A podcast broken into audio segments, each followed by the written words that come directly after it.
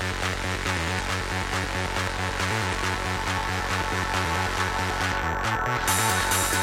back.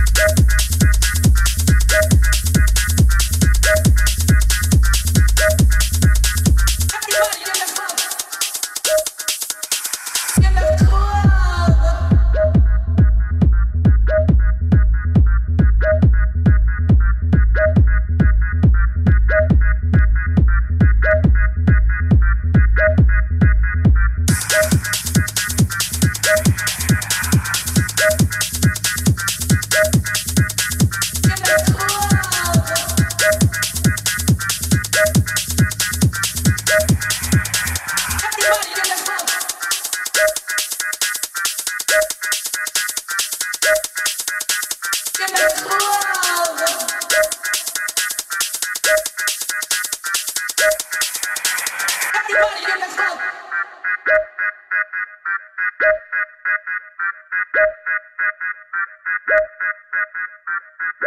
you.